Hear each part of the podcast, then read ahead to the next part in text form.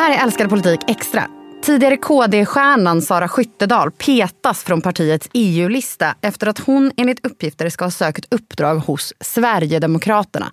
Hennes plats tar istället debattören och tidigare moderaten Alice Teodorescu Måwe. Om denna EU-soppa ska vi prata idag. Jag som heter Evelyn Jones och du Thomas Ramberg. Hej! Det här beslutet baserar sig på kontakter som hon har haft med annat parti ehm, och också på ja, sättet som hon har valt att redogöra eller snarare inte redogöra för de här eh, kontakterna visavi ehm, partiet. Thomas, vad är det som pågår?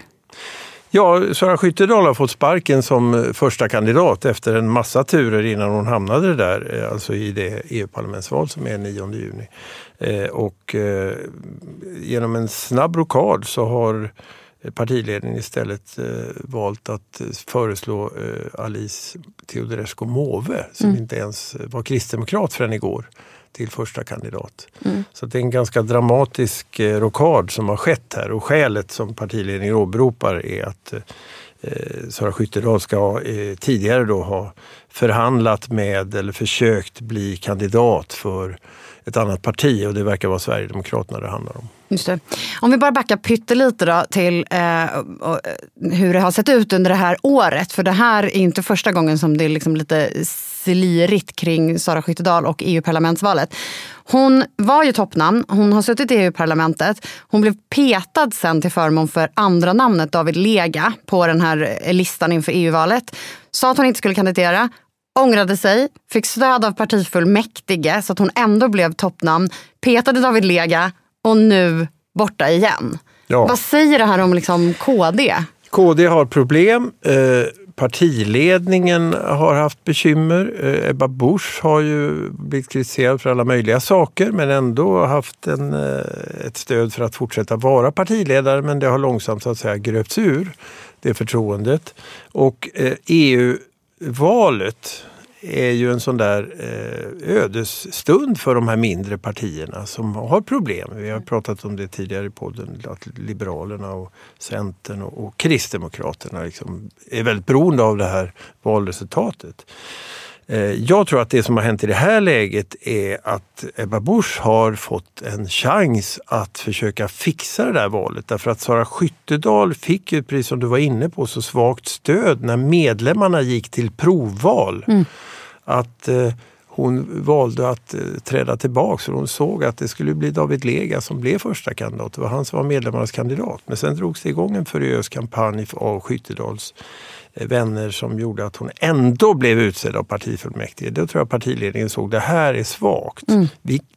EU-valet är så mycket ett mobiliseringsval där man ska få folk att gå ut och jobba för partiets kandidat och mobilisera dem de känner för att överhuvudtaget få dem att pallra sig iväg till valurnorna eftersom valdeltagandet är ganska lågt, så då, hänger mycket på det. Och då trodde inte partiledningen särskilt mycket på att Skyttedal skulle vara en bra kandidat när hon var så försvagad av alla de här diskussionerna.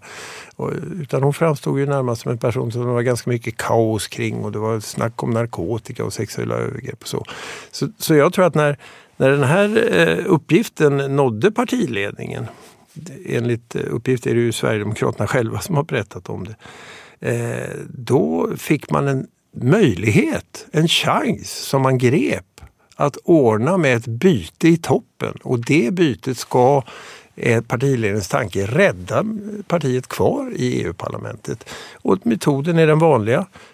Måwe, Teodorescu Måwe är en moderat profil i huvudsak.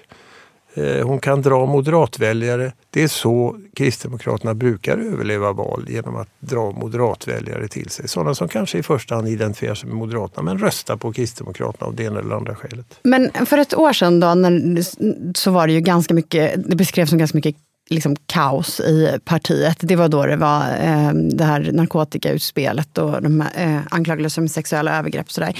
och nu det framstår ju lite kaotiskt än en gång, ganska nära inför ändå EU-valet.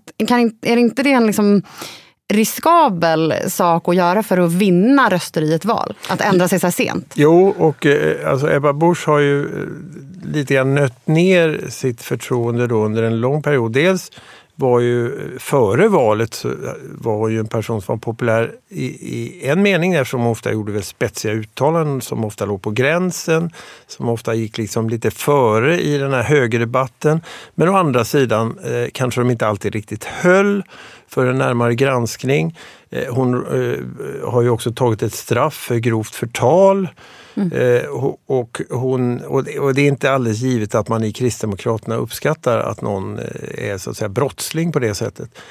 men, och, och, sen efter valet så fick hon det här jobbet som näringsminister där hon förknippades med de löftesbrott som oppositionen och många väljare tyckte att regeringen gjorde. Mm.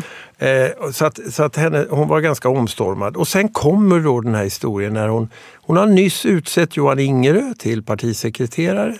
Sen så blir den här konflikten mellan Skyttedal och Ingerö.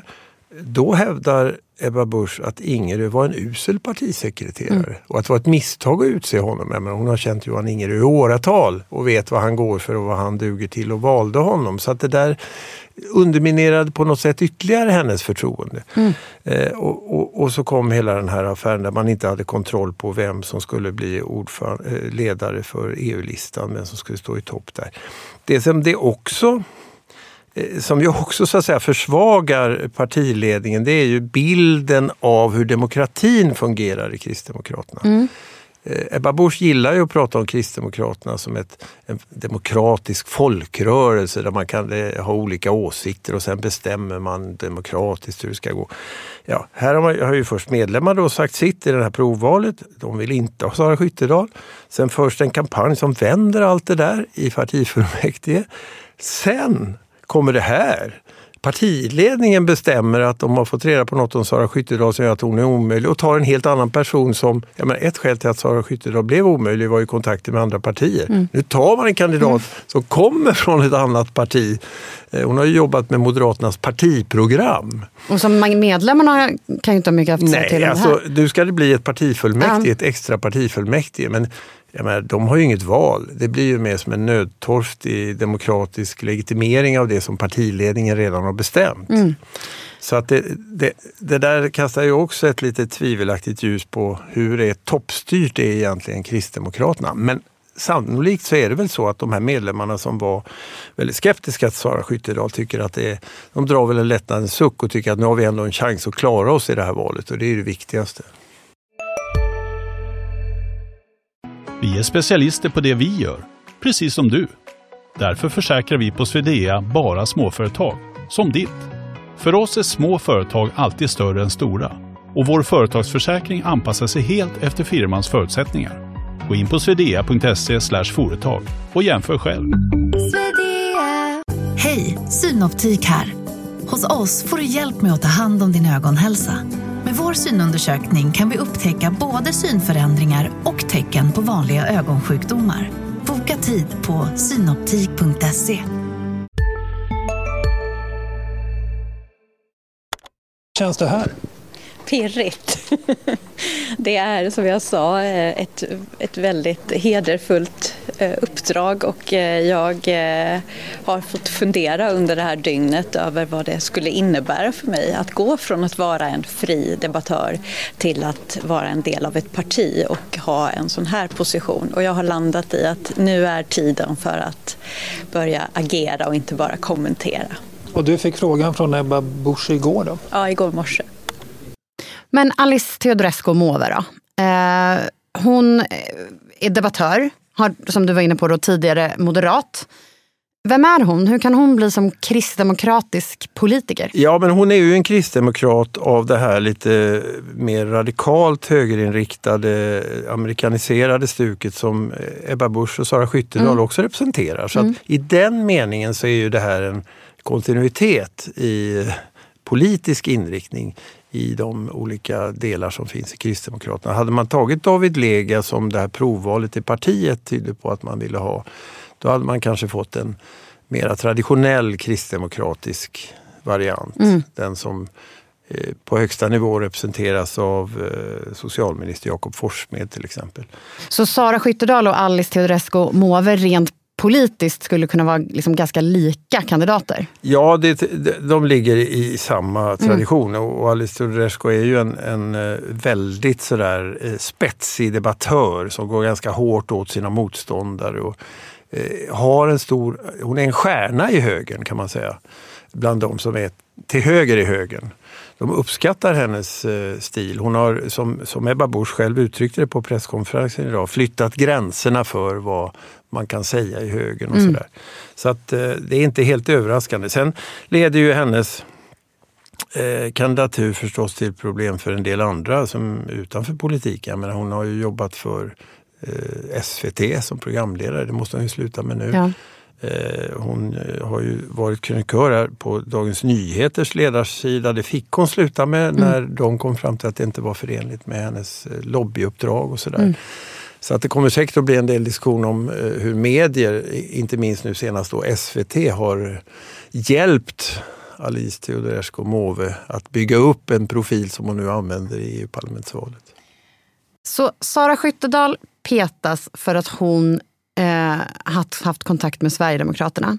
Alice Teodorescu kommer in. Hon kommer från Moderaterna. SDs toppman, toppnamn, Charlie Weimers, han gick ju tidigare då från Kristdemokraterna till SD. Är det liksom lite High Chaparral bland politikerna och vilka partier de ska företräda i EU? Ja, alltså för det första så, så är, är ju, de rör ju sig alla tre här i den högra delen av högern så att säga. Mm. Eh, det, det, det är där är High Chaparral? Ja, men det är där man är ganska nära varann ja. i de här värderingsfrågorna. Det är ju flytande gränser mellan en, en liksom konservativ moderat, en sverigedemokrat och en konservativ kristdemokrat eh, om var de står i olika politiska frågor. Och det är väl ett skäl till att väljare strömmar ganska mycket mellan där. Moderaterna har ju tappat mycket folk till Sverigedemokraterna. Just det.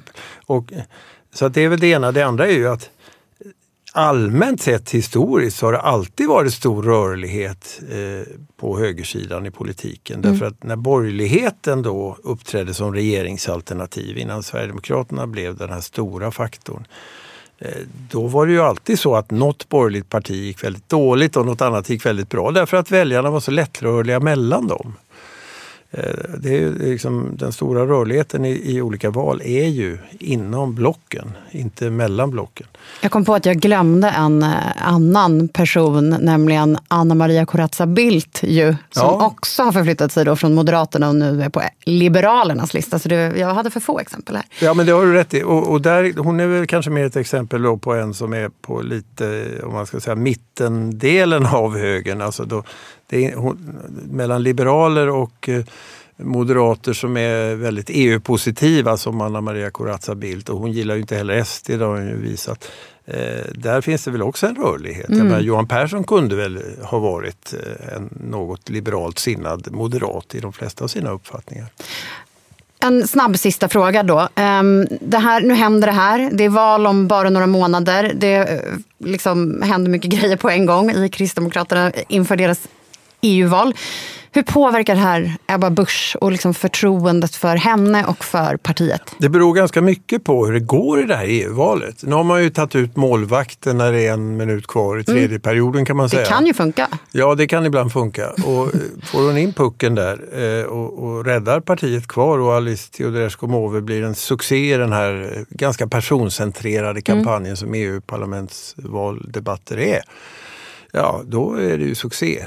Och då har de fått eh, ytterligare en livlina att eh, jobba inför nästa val. Men är det så att det här misslyckas, eh, Alice Teodorescu visar sig inte vara den röstmagnet man hoppas, det kanske dyker upp saker om henne som man inte riktigt har hunnit kolla, vad vet man? Det ju, blir ju en annan granskning när man blir kandidat. Hon har ju bara varit kristdemokrat i ett dygn. Ja, just det. Och, ja, men då skulle, skulle man trilla ur i parlamentet. Då, då är det ett stort problem för Ebba Busch och det kommer att leda till eh, obenhörligen att eh, hon ifrågasätts. Eh, är det hon som ska leda det här partiet i valet 2026 eller behöver vi byta styresperson? Tack så jättemycket Thomas Ramberg. Tack själv. Och tack för att du lyssnade på ett extra avsnitt av Älskade politik. Vi är som vanligt tillbaka eh, på onsdagar med helt vanliga avsnitt. Eh, producent för dagens avsnitt var Viktor Aldén. Klippen kom från SVT och ansvarig utgivare för Dagens Nyheter är Peter Wolodarski.